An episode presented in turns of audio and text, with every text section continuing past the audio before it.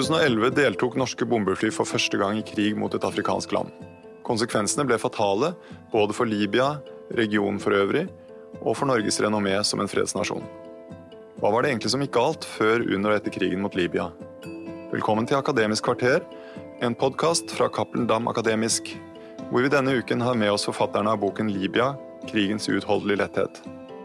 De tre er Tormod Heier, oberstløytnant i Hæren og forsker ved Forsvarets høgskole, Rune Ottosen, professor emeritus ved Oslo OsloMet, og Terje Tvedt, professor ved Geografisk institutt ved Universitetet i Bergen. Velkommen til en podkast om den nye boka Libya krigens uutholdelige letthet, utgitt på Cappelen Dam Akademisk i september 2019. Boka er redigert av de tre professorene Tormod Heier, Rune Ottosen og Terje Tvedt. Øvrige bidragsytere er Minda Holm, Geir Ulfstein, Ann Karin Larsen, Øyvind Østerud, Ola Tunander, Berit von der Lippe, Knut Vikør og Morten Bøås. I podkasten snakker de tre redaktørene først om bakgrunnen for dette bokprosjektet, før de diskuterer noen utvalgte problemstillinger som behandles i boka. God fornøyelse. Er dere klare? Mm. Jeg er Rune Ottosen, professor emeritus ved Oslo MET. Og har jobbet mye med medienes dekning av krig og konflikt. Det er enkelte bøker man har lyst til å skrive, og enkelte bøker man syns man må skrive. Denne boken er i den siste kategorien. Og eh, grunnen til det er jo at det å gå til krig mot et annet land, i dette tilfellet sende bombefly til Afrika, bombe et land med vidtgående konsekvenser, det er jo en svært, svært alvorlig handling. Og bør diskuteres før, under og etter dette skjer. Dette var jo en hendelse som skjedde i 2011, og vi har hatt et Pettersen-utvalg som har utredet dette og langt på vei frikjent norske politikere og sagt at beslutningen de gjorde, var forståelig ut fra datidens perspektiv.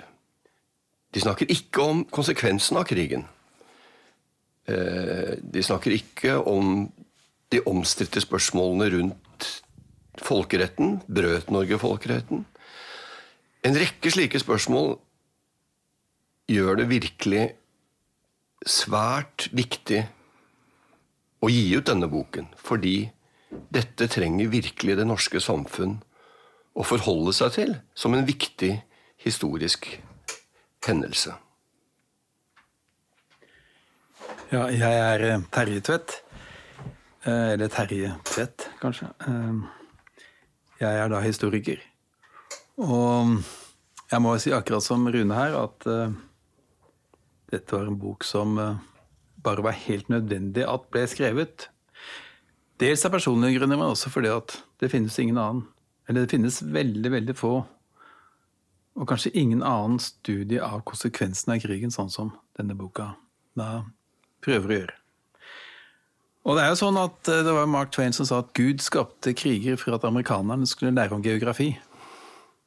Eh, og poenget er jo at nå er det neppe Gud som hadde en finger med i spillet når det gjaldt Libya-krigen, vil jeg anta. Men eh, spørsmålet er da hva lærer Norge om geopolitikk, storpolitikk, utviklingen i Midtøsten, om sin egen nasjonale politiske tradisjon, om sin egen nasjonalpsykologi, egentlig, i kjølvannet av Norges første krig i Afrika? Som da for de aller fleste av oss kom ekstremt overraskende, og det er veldig viktig å huske på det. At Norge hadde da lenge vært et land som hadde markedsført seg selv som en fredselskende nasjon, som en eh, humanitær stormakt, som en slags dialogens forkjemper. Og så plutselig var det ikke bare sånn at Norge deltok i krig, men det var full oppslutning om krigen i norsk offentlighet. Og nærmest uten motforestillinger, og det er det som interesserer meg mest. Hvordan kunne dette skifte i fundamentale verdensbilder og selvbilder skje så fort? Eller var det ikke noe skifte? I hvert fall Det bruddet som skjedde i norsk utenrikspolitisk tradisjon i 2011, og ikke minst hvordan det er blitt oppfattet etterpå, mener jeg også er veldig viktig norsk nasjonal historie. Idéhistorie, politisk historie.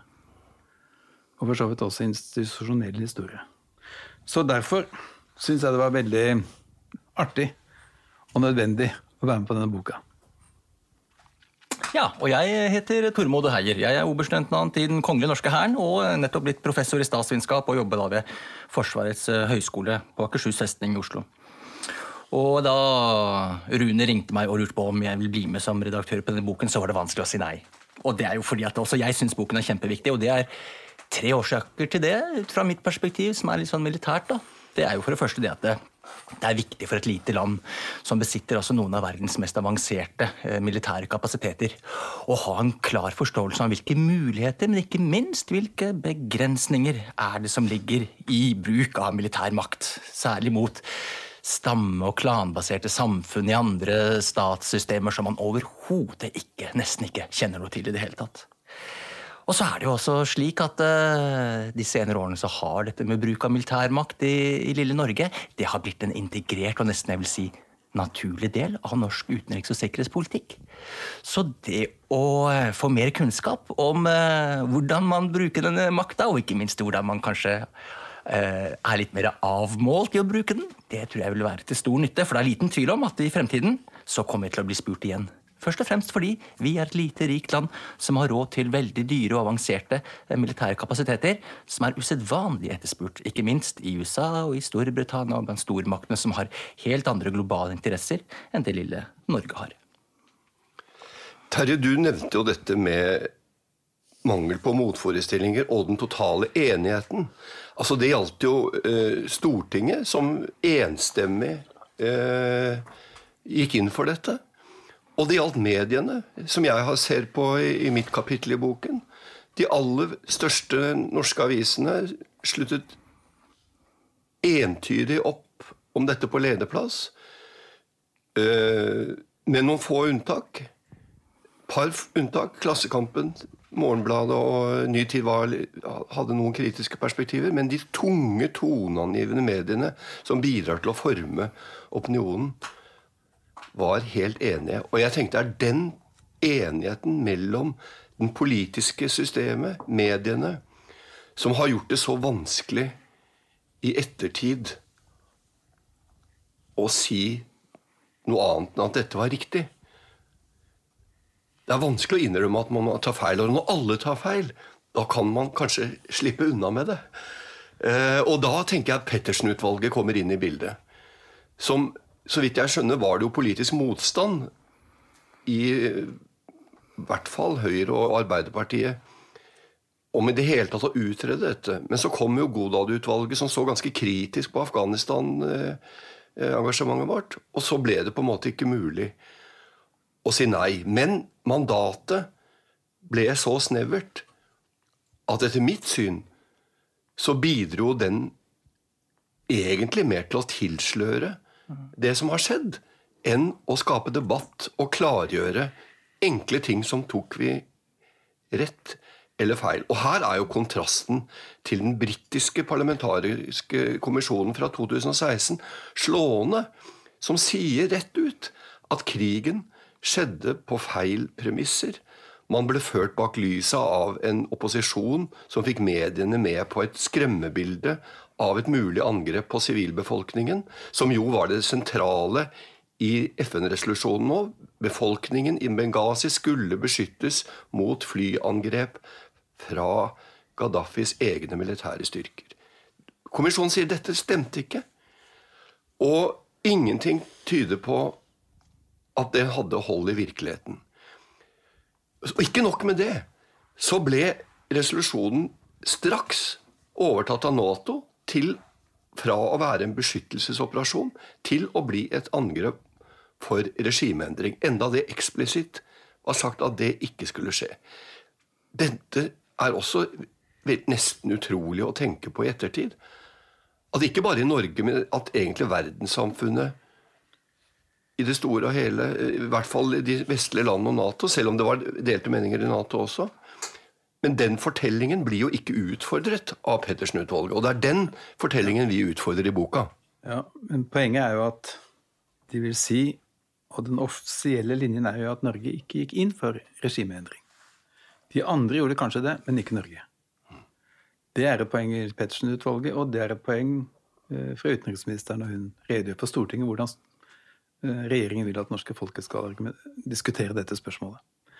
Og grunnen til at de kan gjøre det, det er jo fordi at de Altså, heller, det interessante spørsmålet er hvordan er det mulig å komme fram til den konklusjonen? At Norge ikke gikk inn for regimeendring når f.eks. stortingsdebatten 29.3.2011 er helt klar på at man ser for seg et Libya uten Gaddafi. Og man må huske på at dette skjedde i, veldig i en veldig spesiell ideologisk atmosfære, der folk trodde på alle fortellingene om den arabiske våren.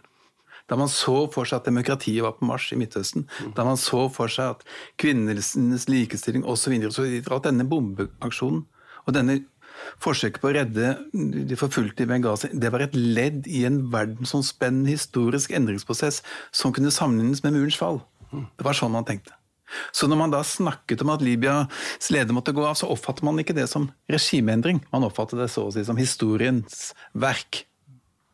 Men i ettertid så er det, klar, så er det helt tydelig hva norske politikere går inn for. Det er regimeendring. Og Stoltenberg definerer på en spesiell måte. Han sier at FN-mandatet er veldig robust. Det er mulig å gjøre alt du kan, bare du ikke sender utenlandske tropper på libysk jord. Men så lenge du bomber, så kan du bombe hva som helst. Med den definisjonen vil jeg likevel, uansett hva du gjør, bryte FN-mandatet.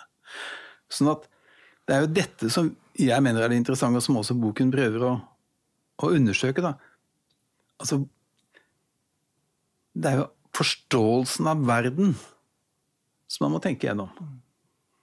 Altså, hvordan var det mulig å ende opp med disse veldig enkle, idealistiske, nærmest romantiske bildene om hva som kom til å skje i Midtøsten på den tiden? Fordi at hvis du trodde på alt det, og hvis du fortsatt tror på alt det, ja, da var det jo grei skuring. Altså, da tok man så å si stilling for historiens progressive bevegelse. Uh, og i og med at man ikke er pasifist, så hvorfor ikke? Og, det er jo det det er jo det jeg mener vi prøver å stille spørsmålstegn ved.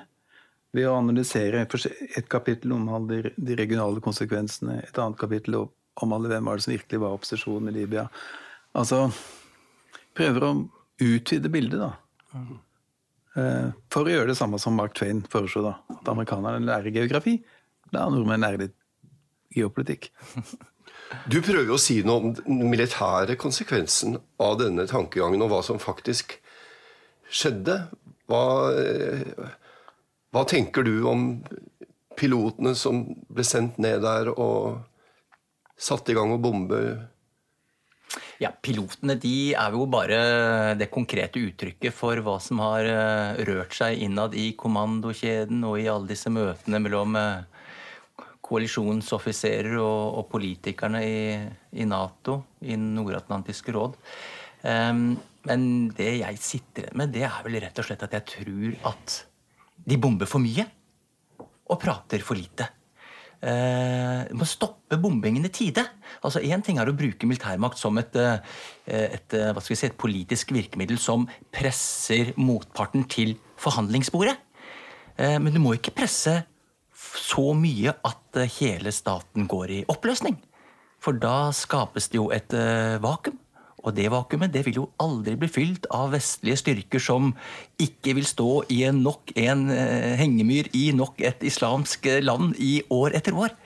Så det har noe med å eh, tenke hvor eh, går det an å bruke militærmakten på en litt mer gradert måte? Eh, og går det an å bruke militærmakten på en måte som knytter den mye mer opp til eh, andre politiske, og da spesielt diplomatiske virkemidler? Jeg syns dette er sånn gikk over, over, stokk og stein. Og da er vi nok litt inn på det som også Terje har sagt, at ja, i bunn og grunn så var det kanskje et, en regimeendring som var, var tilfellet. Men jeg syns jo det, Terje, at, og minnes å huske at Jens Stoltenberg sa at når vi så da at eh, mandatet begynte å skli, så sa Stoltenberg at eh, ja, stormaktene har jo en litt annen måte å tolke FN-mandatet på enn oss småstater, som ofte har en litt mer bokstavtro tolkning.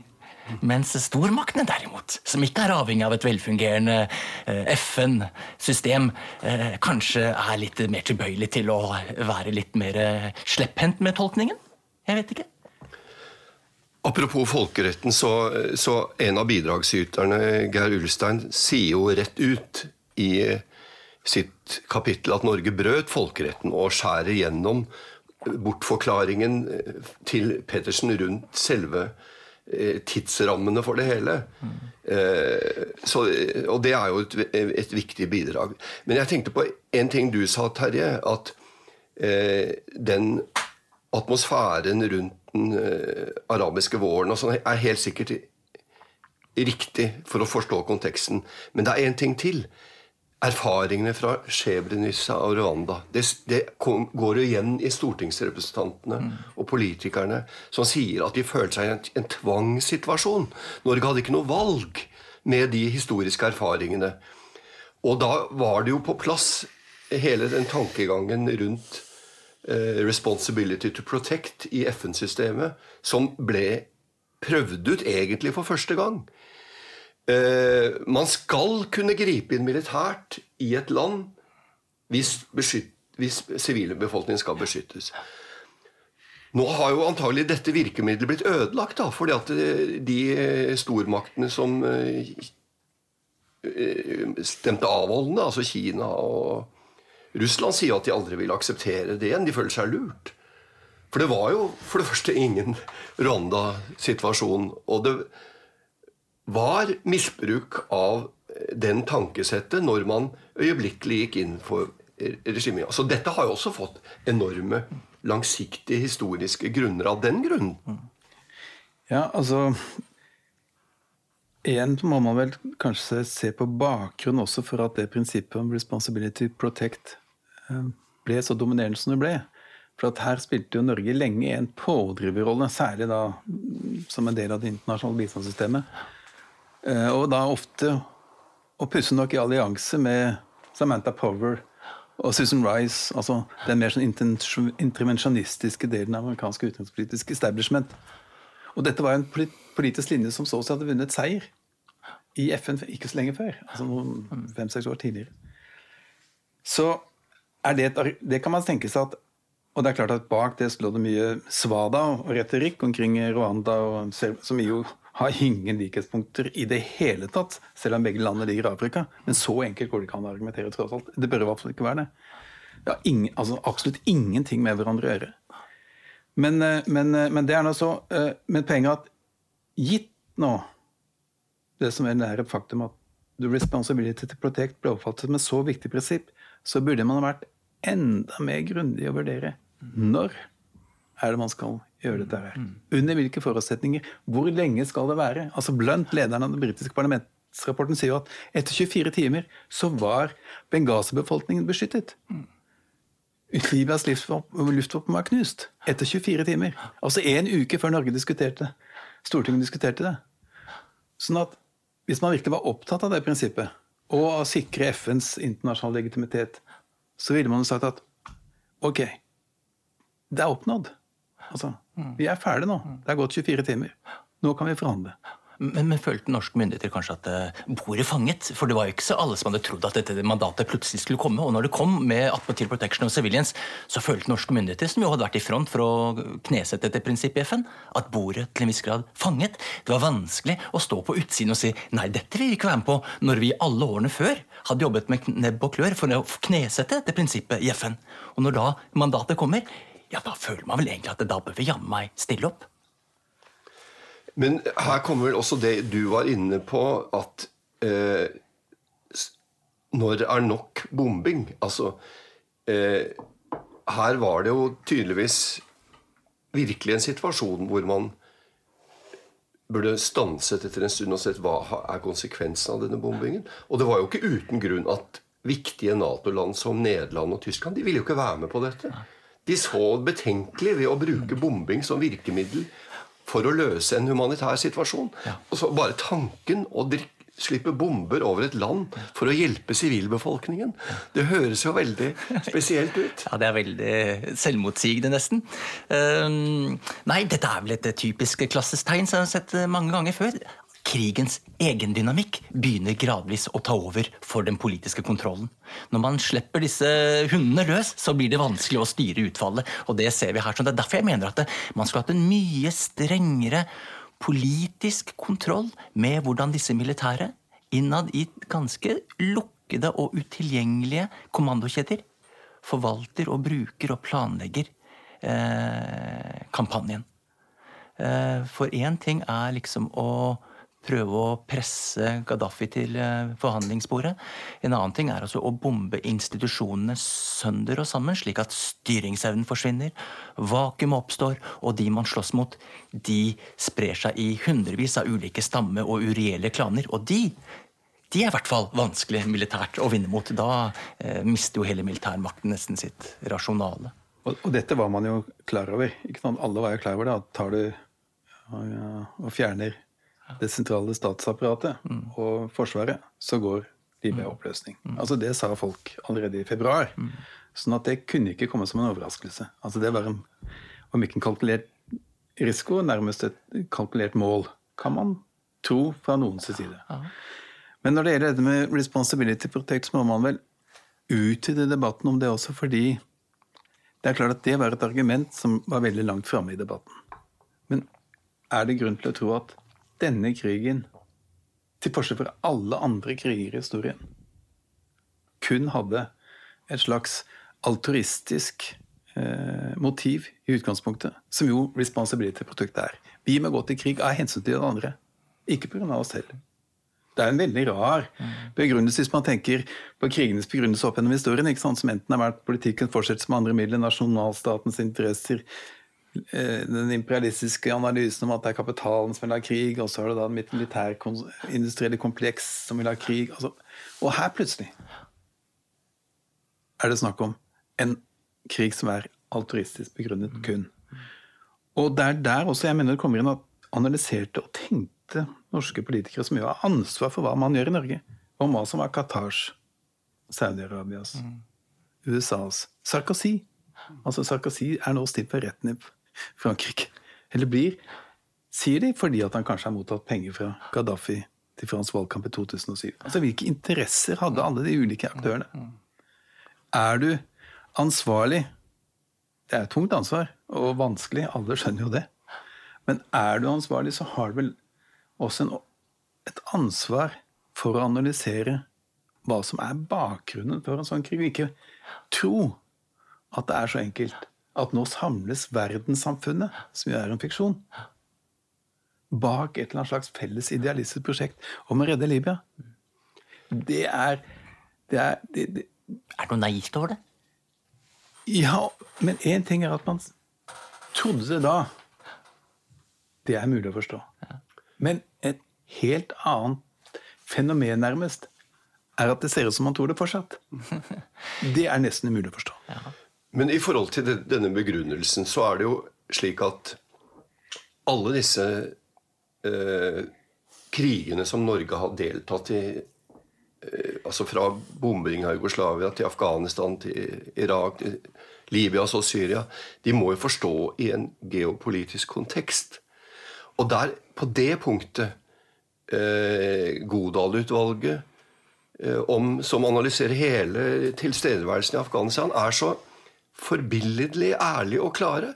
De sier vi gjorde det fordi USA gjorde, ba oss om det. Og vi vil ikke være irrelevante i forhold til vår viktigste allierte.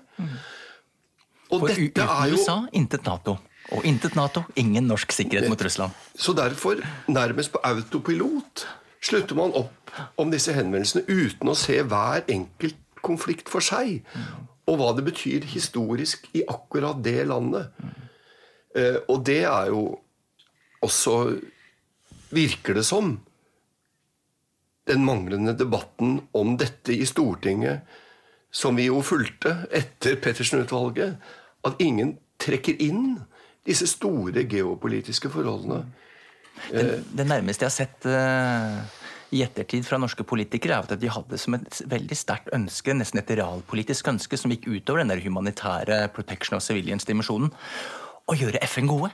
Mm. Når FN endelig kom frem til et mandat, så var det viktig at vi som er småstater, kunne vise stormaktene at FN faktisk kan fungere ved å sette makt bak de kravene som FN setter. Eh, det er en realpolitisk interesse fra en småstat som er helt avhengig av denne rettsorden. Og en annen interesse sett med et sånt småstatsperspektiv er at vi, det er vanskelig å stå utenfor Nato når Nato-allierte ber oss om å bli med i, i krigen. Vi har, ønsker å ha et omdømme som en, en god alliert. Eh, men enden på visa er jo at eh, både FN så vel som Nato kanskje ikke kom akkurat styrket ut av disse krigene. Snarere tvert om, de kom svekket ut av de. Og dermed så føyer det seg inn i et mønster som vi har sett siden krigen i Afghanistan i 2001 og krigen i Irak i 2003 og i Libya i 2011. Vi taper flere kriger enn vi vinner. Ja, eller vi vinner krigen, men vi taper freden, som du vil si. Men eh, eh Nei, altså Parallellen til Godal-utvalget. For det første vil jeg si at grunnen til at altså det var politisk press uavhengig av Godal-utvalget, som i sin tid førte til at regjeringen var nødt til å nedsette et såkalt granskingsutvalg. Nå ble det jo ikke det, men det var jo tross alt eh, mange aviser som har tatt opp, og det var ulike eh, politiske grupperinger, etter det jeg vet. Eh, men jeg tror at noe av Jeg tror at det blir for enkelt ja, å bruke Godal-utvalgets analyse her. At man gjør det fordi at USA ber om det. Eh, for det første, når det gjaldt Afghanistan, så førte det også til at de kom ut med en konklusjon, Godhetsutvalget altså, som jo ikke pekte på noen problemer med analysen av Afghanistan. Altså, det var også egentlig blottet for reell og, og grundig analyse av Afghanistans historie, mulighet for utvikling, mulighet for nasjonalsbygging, statsbygging osv. Men når det gjelder Libya, så mener jeg at det interessante er jo at også de som tradisjonelt sett ikke har noe til overs for Nato, støttet opp om denne krigen fullt ut. SV støttet opp om den fullt ut. De, kanskje mer enn noen annen, gjorde et poeng av at dette var et spørsmål om moral. Idealistene gikk inn for krig fordi at det var å beskytte det sivile. Realistene, kynikerne, ga liksom blaffen i hvordan de fattige liberne hadde, og ville ikke krige. Sånn at, og også store deler av norske mediene argumenterte ikke ut ifra forholdet til USA. De argumenterte ut ifra situasjonen i den arabiske verden. Arabiske våren, demokrati, eh, folkemord, Libya var en, nei, Gaddafi var en diktator osv.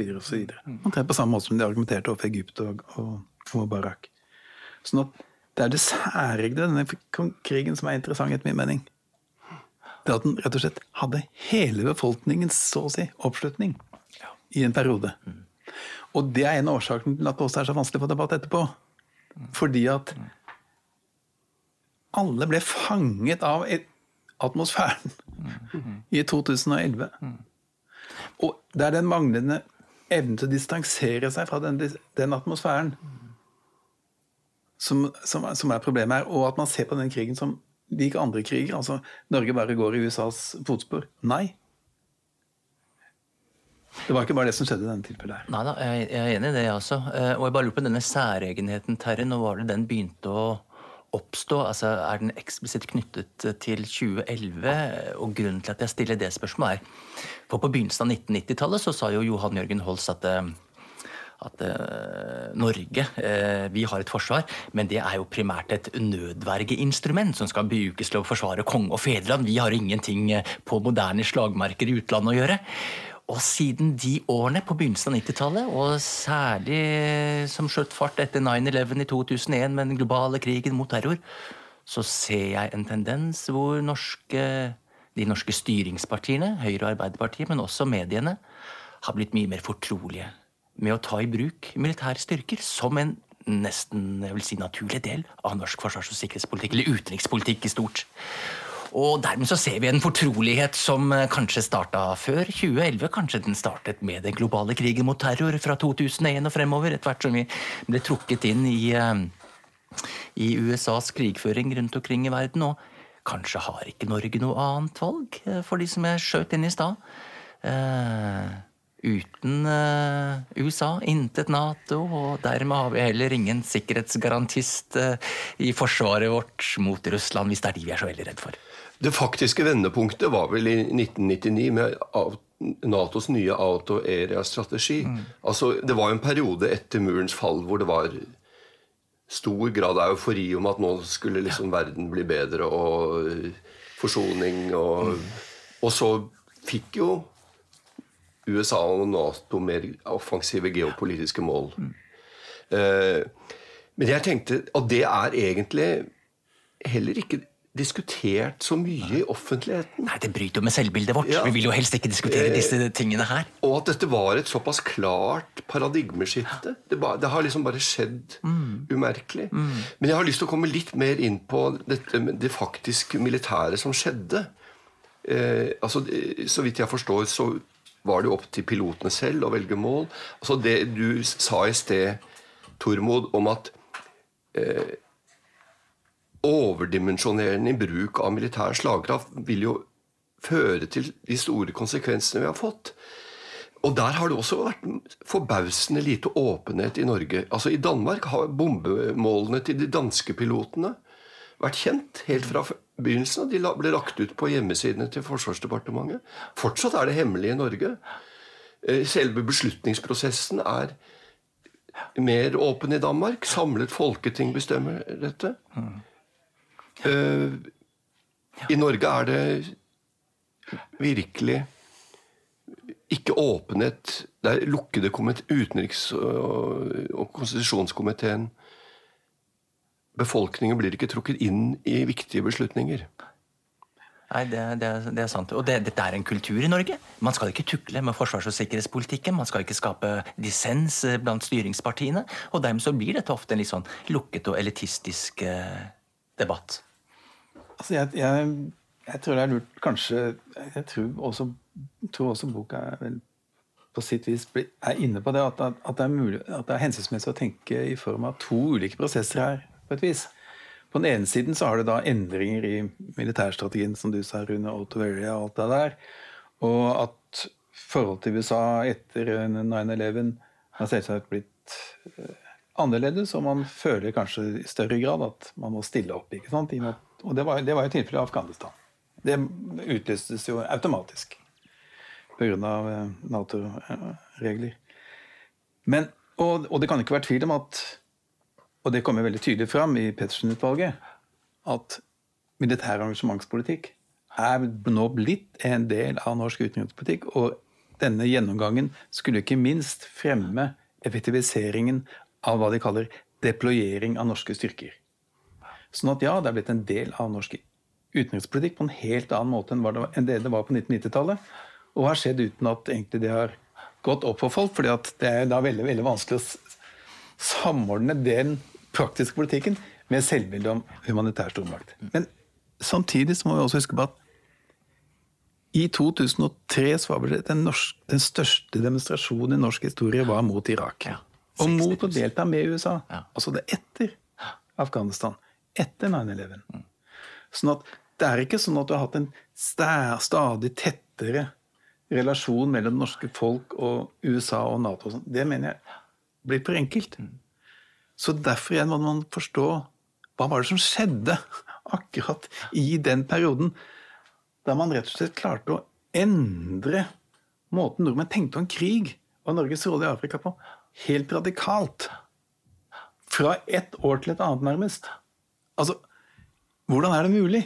Dette har med medienes, sånn som du skriver om, Rune, altså medienes rolle, eh, internasjonale strømninger You name it, hadde han sagt. Men, altså, men traff den en nerve i det norske samfunnet? Traff den selvbildet vårt med ønske om å være noen som kunne redde sivilbefolkningen som sto overfor et varslet massemord i Benghazi? Det kan hende.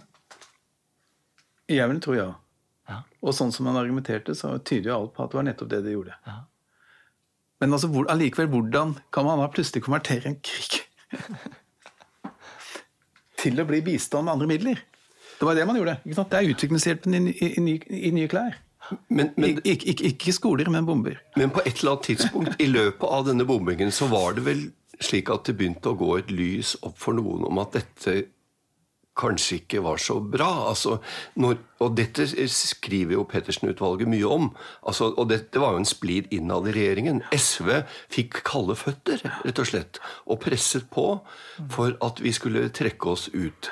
Og det blir da brukt som begrunnelse til at ikke vi var med på regimeendring, fordi vi trakk oss ut 1.8, og Gaddafi falt noen uker senere. Og det er også en merkelig øvelse, må vi vel si. Ja, Det vil jeg si. Og, og, det er klart at det var uenigheter i regjeringen hele veien. Altså, vi må ikke glemme at Jonas Gahr Støre jo i utgangspunktet var veldig kritisk. Han sa jo tydelig før han endret oppfatning av ulike grunner, at gikk Nato inn og gikk Norge inn, så ville man bli en aktør i borgerkrigen. Og det måtte man være klar over. Og han fikk jo helt rett. Så, så... Men han snudde jo når FN-mandatet plutselig kom på bordet. Da ble det vanskelig å stå utenfor. Hvorfor han snudde, det tror jeg kan være mange, altså det vet vi ikke, men han snudde. Ja. Uh, men du nevnte jo Sarkozy. Er, det ikke eh, Stoltenbergs besøk i Paris som ble overtalt av Sarkozy, eh, som er en viktig vendepunkt her? Og det, og det kommer jo også fram i e-postene til Hillary Clinton at Frankrike hadde som begrunnelse at han var opptatt av å vinne valget. De trengte en utenrikspolitisk triumf. Og de trengte oljerelasjonen i Libya. Det var en helt annen begrunnelse av den viktigste pådriveren enn det som ble den retoriske begrunnelsen i FN-systemet og i norsk offentlighet. Det er også tankevekkende.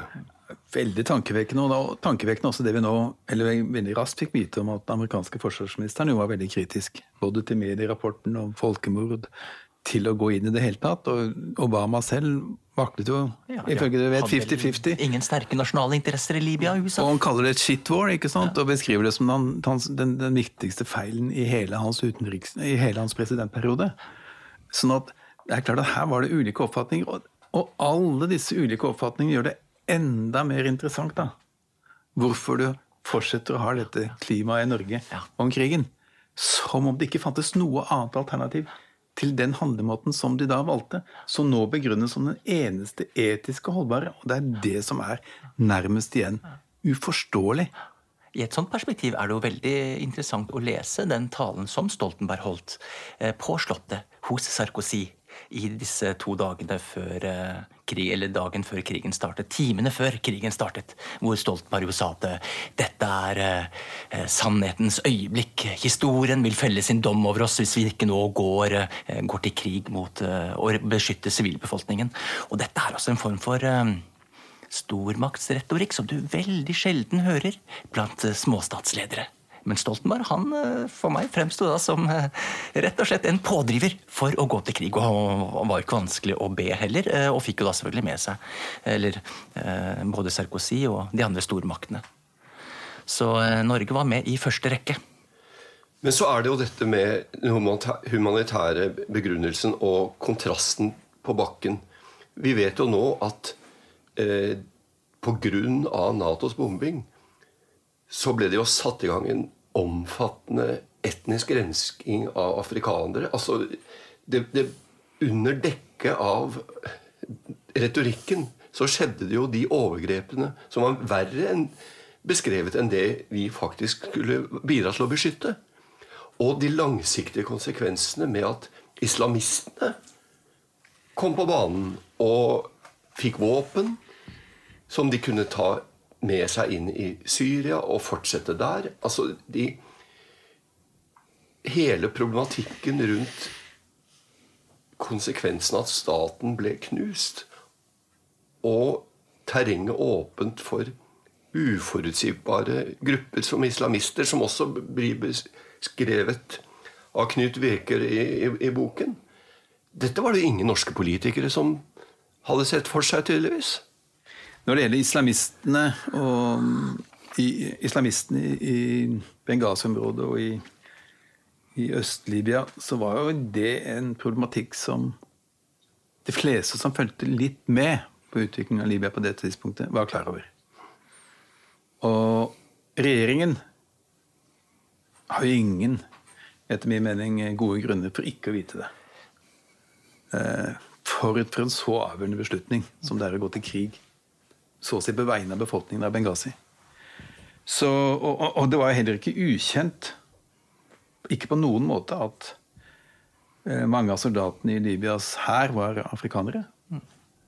Eh, og at det, var store, altså at det var en stor afrikansk minoritetsbefolkning i Libya. Altså igjen, for folk som fulgte med litt, så vil man vite det. Så det er klart at konsekvensene ble mye mye mer alvorlige enn det selv de mest hardbarka realistene kunne forestille seg, vil jeg tro. Men at en sånn krig ville gå, ha negative konsekvenser for den afrikanske minoritetsbefolkningen, det kan ikke være særlig tvil om at det var man nødt til å vite på forhånd. Og det samme er også at man kunne ikke være i tvil om at det ville styrke islamistene. I hvert fall på kort sikt. Eh, uten nærmere å si at alle i Benghazi var islamister, eller at de var de sterkeste. Eh, dette skriver jo også, Det er også et kapittel som tar opp det. Knut Iker. Sånn at, øh, men, men, mitt poeng er bare at skal man gå til krig i et land i Afrika, så er man også ansvarlig for å analysere det. På samme måte som man er ansvarlig for å analysere situasjonen før man setter i gang et bistandsprosjekt. Den negative konsekvensen av et bistandsprosjekt kan være alvorlig, men det er ingenting i forhold til de negative konsekvensene av en bombekrig. Der sa vel kanskje Petersen-utvalget så vidt jeg husker, at eh, Norge hadde ingen god situasjonsforståelse i dette området hvor de skulle inn og bombe. Etterretningstjenesten etterretningstjenestene hadde ikke eh, dette som et særlig fokusområde, hadde ikke bygd opp noe kompetanse og er helt avhengig av etterretninger fra alliansepartnerne. Og spørsmålet er jo om kan man stole på alliertes etterretninger som kommer til, til landet? Det stiller jo enda større spørsmålet har Norge er, eller, er allierte er det det samme som venner? Eller er det altså slik at allierte har altså en egen påvirkning av å påvirke Norge i en bestemt retning? Fordi at eh, Nato er først og fremst en arena hvor statene bringer til torg sine egne interesser for å fremme de.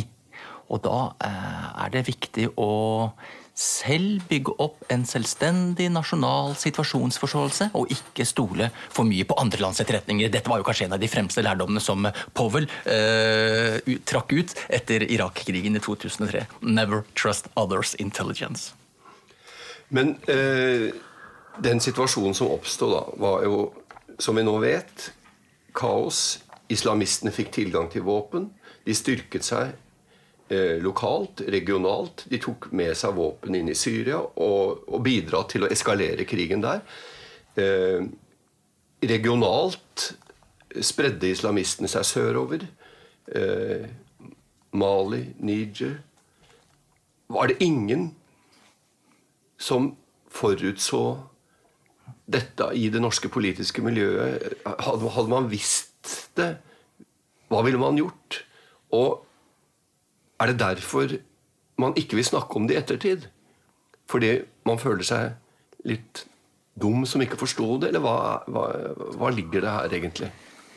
Nei, dette er noe av dette er, altså, dette er, historisk interessant, det er nasjonalpsykologisk interessant. altså Det er veldig mange ulike Det er mental, mentalitetshistorisk interessant, ikke minst.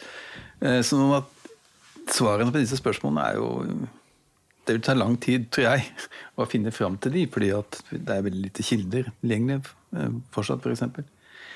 men, eh, men eh, jeg tror at det du var inne på, Tormod, altså at Og det blir også ganske tydelig etter det jeg kan skjønne av utenriksministerens redegjørelse på Stortinget, at Norge har egentlig ingen ambisjon om å være i stand til å analysere situasjonen i et land på egen hånd. Man legger opp til at det er det de store landene som gjør, og så hører man på dem. Ja, det er helt riktig. Vi ønsker å være med, men uten egentlig å være med. Det er et sånn kjent eh, fenomen i norsk eh, forsvarspolitikk. Men er ikke det egentlig oppsiktsvekkende ut, i, i lys av det du sa i sted, at i, under Irak-krigen var det jo en enorm opposisjon i Norge, og det var kjent at krigen ble startet på gale premisser. Er ikke det en lærdom man virkelig burde ha med seg? Det jo, nei, dette er oppsiktsvekkende på veldig mange plan, etter min mening. Og, og, og som du altså som, og dette, Hvis man da ser dette i sammenheng med at Norge nå ønsker å bli med i Sikkerhetsrådet, f.eks., så er det også at man på den ene siden altså har store store ambisjoner om å så å definere hva som er det internasjonale samfunnets vilje på et hvilket som helst tidspunkt. Samtidig som man rett og slett sier at man ikke er i stand til å analysere situasjonen i ulike land som man kriger i. Hvordan få dette til å gå i hop politisk. Men også hvordan skal, det, hvordan skal en offentlighet dannes, gitt at du har sånne paradokser som styrer den offentlige politikken? For det var helt klart innad i Natos kommandokjede så ble det sagt Norge ønsket ikke å ta eh, ansvar. Vi ønsket ikke innflytelse med hvordan noen av verdens mest avanserte F-16-fly ble brukt av allierte partnere over Libya. Vi ønsket ikke å være til stede i de foraene der beslutningene, der planene og der målene ble, ble definert. Det har igjen noe med å ja, være med, men egentlig helst ikke være med, for da må du begynne å ta ansvar, og begynne å ta ansvar sammen med stormakter som ja, kanskje er vi litt, ah, litt, skeptiske mot å være for tett på disse stormaktene, samtidig som vi likevel vil være med for å bli oppfattet som en god alliert. Et paradoks. Men, men bare et lite spørsmål der.